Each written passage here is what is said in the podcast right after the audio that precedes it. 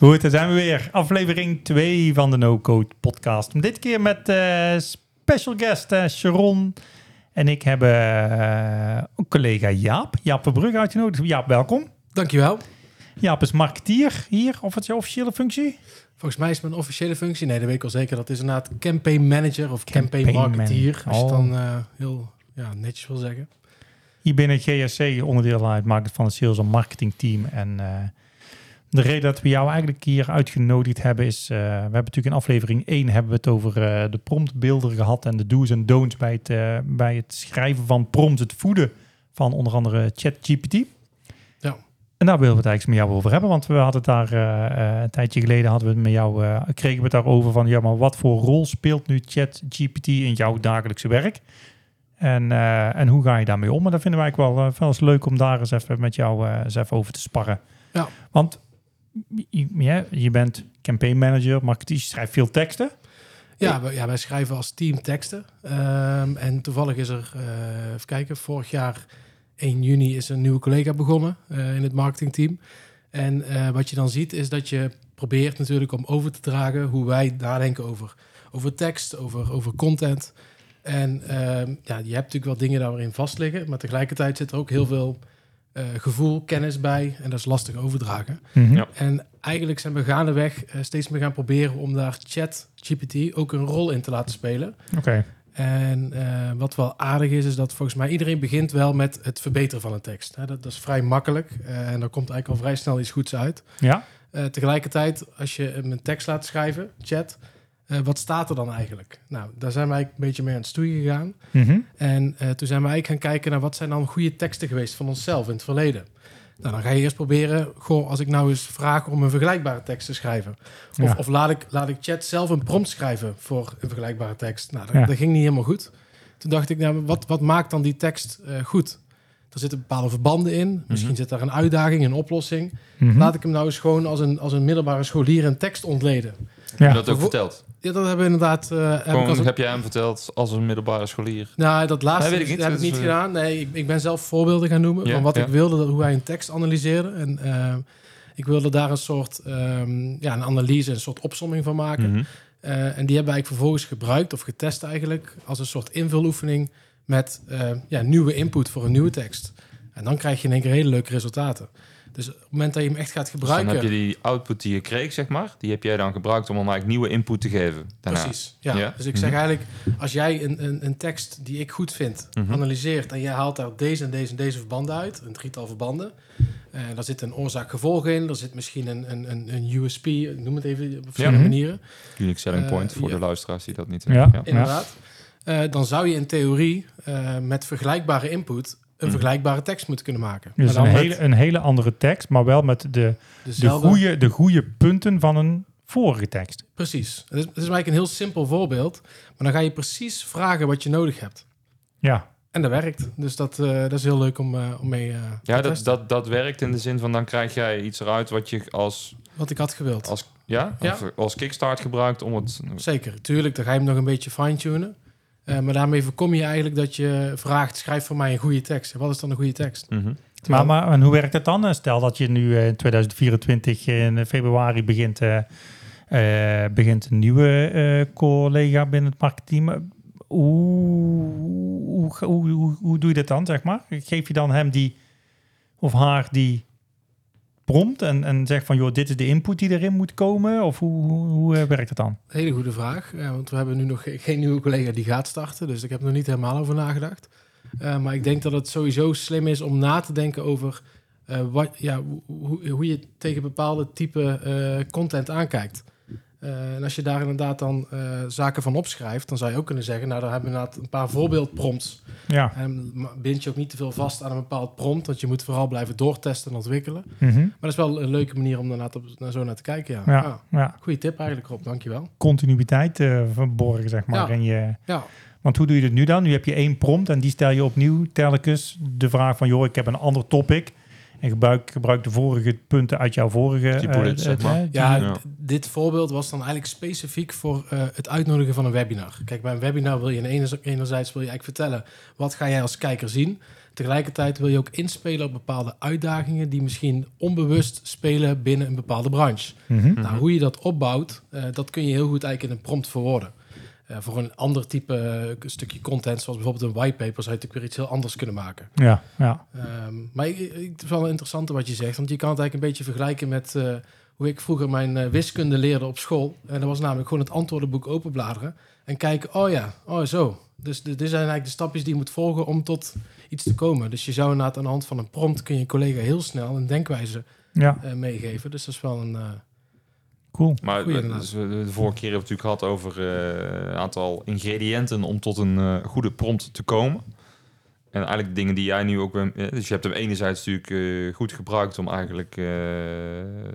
dan denk ik de context, hè? mhm. De context goed mee te kunnen geven. Of misschien de verwachting. Ik denk dat dat hem een beetje is. Ja. ik jou hoor van... Ja. Die, die, die vier bullet points, die paar bullet points die jij eigenlijk gebruikt om hem te voeden. Ja. Waar je iedere keer het antwoord achter aanpast. Om hem zo een zo eh, vertrouwd mogelijk antwoord te laten geven. Wat jij ook weet van oké, daar komt iets uit waar ik echt iets mee kan. Dat Mhm. heb je hem gewoon een aantal keren laten doen. Ja. Heb je daarmee eigenlijk eh, getest. Ja, dat klopt inderdaad. Ja, Ja. ja. En natuurlijk kun je dan nog steeds eh, belangrijke zaken toevoegen Ja. die specifiek voor, voor, voor dit keer belangrijk zijn. En heb, pak je hem dan altijd alleen voor tekst in een mail? Of heb je ook bijvoorbeeld, doe je het ook voor titels of, of andere... Eh, nou, wat, wat wij het vaakst doen is inderdaad eerst eh, gaat het om, om, om je, je kern. Als die Mhm. goed staat, dan kun je vervolgens heel makkelijk zeggen, nu wil ik dat je op basis hiervan inderdaad titels bedenkt. En titels moeten eh, een bepaalde eh, stelling bevatten. Die Dus, moeten, dus eigenlijk, jou, je zegt eigenlijk je boodschap die je wil overbrengen, dat is de basis om op voor te gaan borduren. Ja, als die eenmaal staat en dat heb je eigenlijk via een prompt kunnen realiseren, Mhm. dan kun je heel makkelijk daarna zeggen, ja, maar nu wil ik dat je eigenlijk hier een reeks voor gaat maken met. En dat zijn dan eigenlijk al je verwijzingen. Dus Ja. die, die volgen daaruit pas. Ja, als je tenminste tevreden bent over de kern, dan kun je ook zeggen, ik wil dat je er niks meer bij verzint. Dit is waar je het mee moet doen. Ga geen nieuwe dingen op internet halen, want we hebben eigenlijk samen nu net besloten dat dit Dat is de boodschap. Ja, je zet je kaders Ja. eigenlijk. Ja. Verwachtingen, ja, daar Ja. komt hij weer. Ja, dus dat je is, verwachtingen. eh, Ja. Nou, misschien nog een ander ja, leuk voorbeeld dat eigenlijk ook volgens mij heel makkelijk is. Dus misschien is het voor veel mensen eigenlijk al gesneden koek. We hebben ook recent gekeken naar een, eh, een- blog voor, eh, voor accountancy. En eh, toen zijn we gaan kijken van zouden wij hier nou ook een whitepaper van kunnen maken. Mhm. Ehm, toen ben ik gewoon heel ruwe tekst van een collega eigenlijk laten screenen.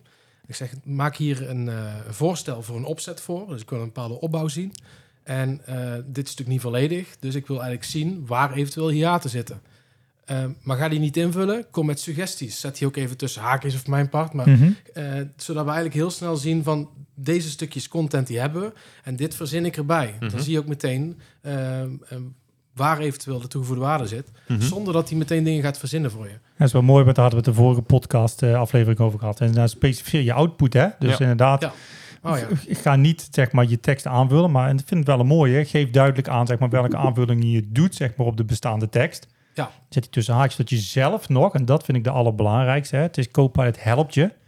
Het is een hulpmiddel, zodat je in ieder geval zelf kunt besluiten: van, oké, is dit een toevoeging die ik inderdaad zoek? En wil ik die toevoegen, zodat je in ieder geval nog zelf in controle bent. Ja, het leuke is dat je dan weer kan doorvragen van als je inderdaad iets, iets, iets van een onderwerp heeft van hier zou ik dit onderwerp verwachten, want dat is wat je dan eigenlijk terugkrijgt, zeg Ja. maar. En dan zou je natuurlijk ook kunnen gaan vragen, oké, nou, als dit is mijn totaalbeeld, geef me eens even tien eh, eh, voorbeelden van potentiële onderwerpen die we hier dan echt eh, kunnen gaan uitlichten. Ja. Hem theoretisch natuurlijk ook iets kunnen laten schrijven, maar daar zit altijd nog een beetje de nuance van, eh, geef hem een idee, ga zelf ook nog dingen doen.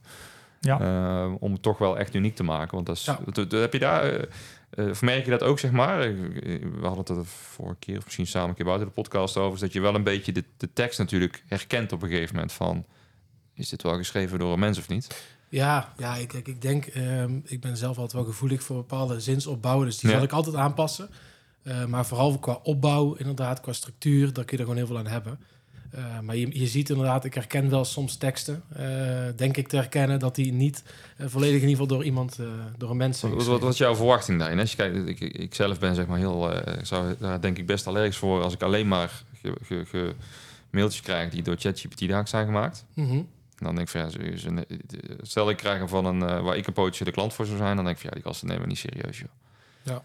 Hoe zie jij dat? Hoe zie jij die ontwikkeling? Want er gaan natuurlijk steeds meer van dit soort Ja, ik, ik denk ehm, dat ehm, de, wa- ja, de waarheid zal altijd liggen in hoe de ontvanger het interpreteert. Ehm, ik zelf vind ik het verschrikkelijk als er eh, onnodig veel tekst staat. En dat is denk ik nu, eh, als je niet oplet, dan, dan staat er al snel een pagina of, of een, een mail. Of, En dan moet je een beetje GPT gebruiken om het te laten samenvatten. Dan. ja, precies. Maar de- ja, kijk, als het, als het te langdradig wordt of als er eigenlijk dingen staan die eigenlijk niks toevoegen, omdat je gewoon als eh, verzender eh, eigenlijk beter zou moeten weten. Eh, dus, dus waar wij denk ik goed in zijn, hoop ik, is to the point. Eh, dus Mhm. we, we kunnen van alles vertellen, maar we vertellen juist die dingen waarvan wij denken die zijn het meest interessant voor een bepaalde organisatie of voor een ontvanger.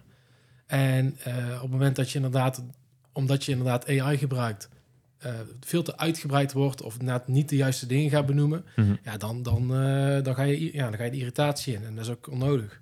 Ja, maar dat is, er zijn natuurlijk wel ook echt wel risico's waar je op moet letten. Want je kan niet zomaar eh, drie, drie opzetten laten bedenken en eh, ogen dicht kiezen cent. Ja. Kan, kan wel, maar ik bedoel, dat is misschien Ja. denk ik niet de meest verstandige optie, denk ik. Nee. Eh, Nee, is, ja, voor iedereen die er inderdaad nog niet mee test, eh, test het in eerste instantie vooral met, over, ja, met onderwerpen of in ieder geval op gebieden waar je juist eigenlijk heel veel van weet. Zodat je goed kan zien wat er gebeurt en ook zelf kan beoordelen eh, in welke mate het ja, toegevoegde waarde heeft. Ja.